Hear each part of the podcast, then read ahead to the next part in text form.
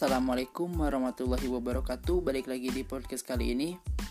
Di podcast kali ini Seperti biasa saya akan menjawab Pertanyaan dari ekonomi mikro Islam Yang mana pertanyaannya ini Bandingkan antara sistem ekonomi Islam dan ekonomi pasar. Apakah persamaan dan perbedaan di antara keduanya? Untuk persamaannya Sistem ekonomi Islam dan pasar keduanya yaitu sama-sama bahwa setiap orang memiliki hak kepemilikan pribadi dan sumber daya jasa maupun barang atau perlindungan kepada kepemilikan pribadi.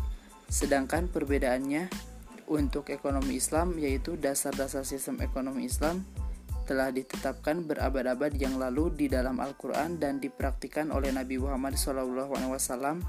Peran kelembagaan juga sangat penting dan mewujudkan falah secara bersama. Sedangkan untuk ekonomi pasar, ide dasarnya adalah bahwa mekanisme pasar bisa berjalan dengan sendirinya, mengatur diri sendiri, dan tidak memerlukan pengaturan investasi dan regulasi dari pemerintah. Dan juga sistem ekonomi pasar diilhami oleh pemikiran Adam Smith. Mungkin jawabannya itu cukup sekian. Kurang lebihnya saya mohon maaf. Assalamualaikum warahmatullahi wabarakatuh.